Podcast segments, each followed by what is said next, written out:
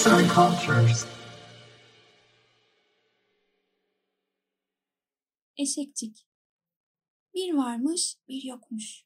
Evvel zaman içinde, kalbur zaman içinde bir kralla bir kraliçe varmış. Zenginliklerine doğrusu diyecek yokmuş. Diledikleri her şey fazlasıyla varmış sarayda. Gel gelelim çocuk yüzüne hasretmişler. Kraliçe gece gündüz çocuksuzluktan yakınıp durur ve dermiş ki Üzerinde hiçbir şey yetişmeyen çorak bir tarladan farkım yok. Gel zaman, git zaman. Tanrı kraliçenin dileğini kabul etmiş.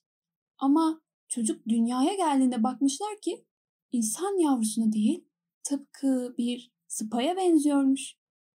Kraliçe bunu görünce bir sızlanıp yakınmaya başlamış ki şimdiye kadarkiler bunun yanında hiç kalırmış.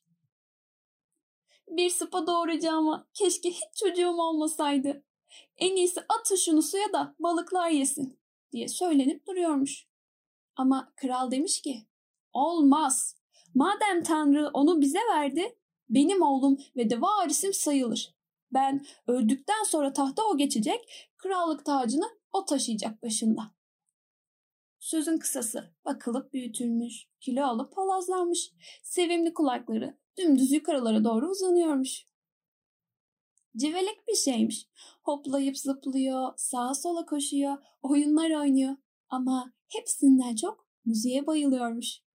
Sonunda ünlü bir müzisyene gidip demiş ki bana şu seni sanatı öğret. Ben de senin kadar güzel lavta çalayım. Müzisyen de şöyle cevap vermiş.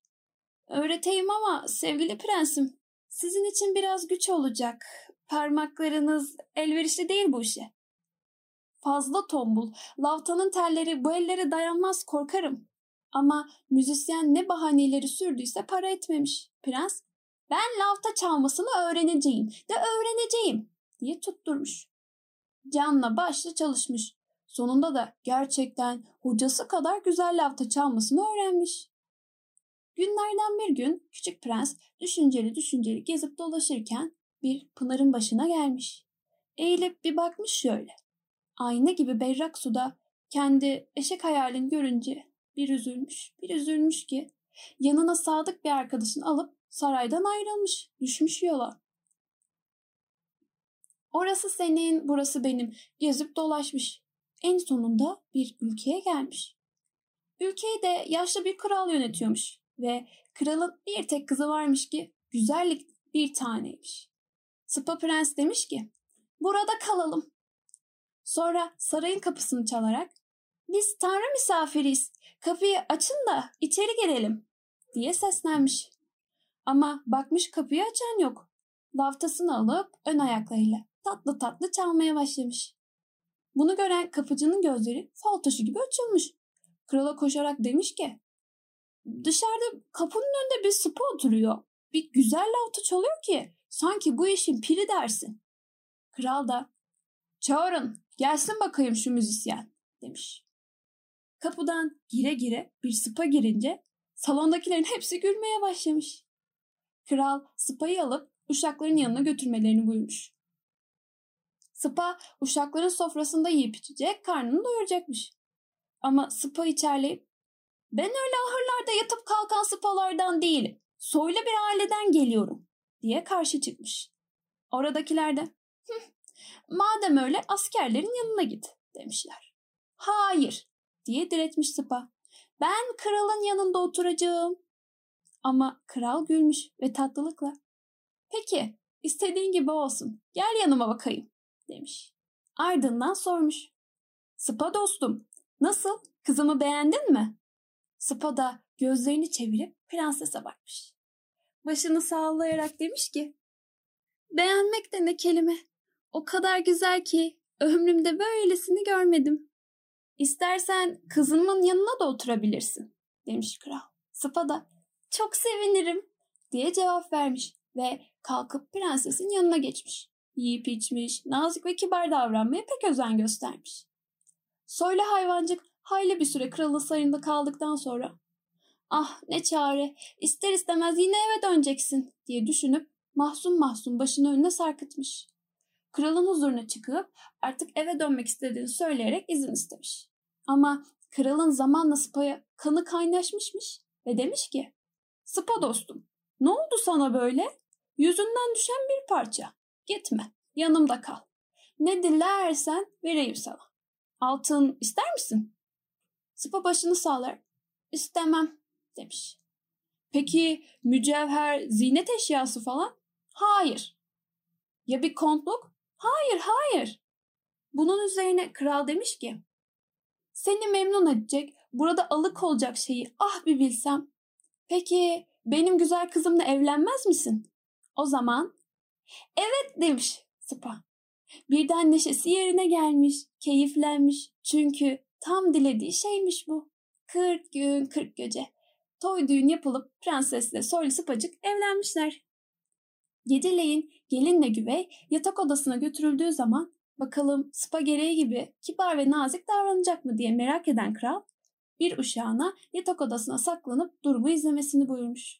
Prensesle yatak odasına giren sıpa kapıyı sürmelemiş. Bir sağına bir soluna bakılmış. Odada kendilerinden başka kimse olmadığına kanat getirir getirmez eşek derisini sıyırıp atmış üzerinden. Yakışıklı bir prens olup çıkmış. Şimdi anladın mı kim olduğumu? demiş prensese dönerek. Soylulukta sana denk biri olduğumu da görüyorsun demiş. Prensese dönerek. Bunun üzerine prenses sevmiş. Sarılıp kocasını öpmüş. Yürekten sevmiş onu. Prens sabah olur olmaz fırlayıp yataktan kalkmış. Hayvan derisini yine üzerine geçirmiş. Hayvan kılığının altında nasıl birini saklı yattığını doğrusu kimse tahmin edemezmiş. Çok geçmeden yaşlı kral da gelmiş. Sıpa Bey uyanmış bakıyorum demiş. Sonra kızına dönerek doğru dürüst bir kocaya varmadığın için herhalde çok üzülüyor olacaksın deyince kızı şöyle cevap vermiş. Hayır babacığım hiç üzülmüyorum. Dünyanın en yakışıklı insanıymış gibi seviyorum kocamı.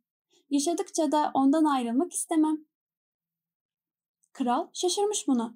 Ama yatak odasına gizlenen uşak her şeyi bir bir kendisine anlatmış. Kral demiş ki, böyle bir şey dünyada olmaz. Uşak da, bu gece siz bir nöbet tutarsanız her şeyi kendi gözünüze görebilirsiniz. Hem size bir şey diyeyim mi yüce kralım? Damadınızın üzerinden soyunacağı deriyi alın, ateşe atın. O zaman ister istemez gerçek kılıyla onu karşınızda bulursunuz diye cevap vermiş. Kral bu ödünü beğendim demiş ve geceleyin damadıyla kızı gidip yattıklarında usulcacık içeri girmiş.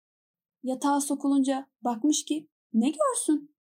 Ay ışığında mağrur bir delikanlı yatmıyor mu? Üzerinden sıyırıp attığı sıpa derisi de yerde duruyormuş. Kral deriyi alıp dışarı çıkmış. Büyük bir ateş yaktırıp atmış içine.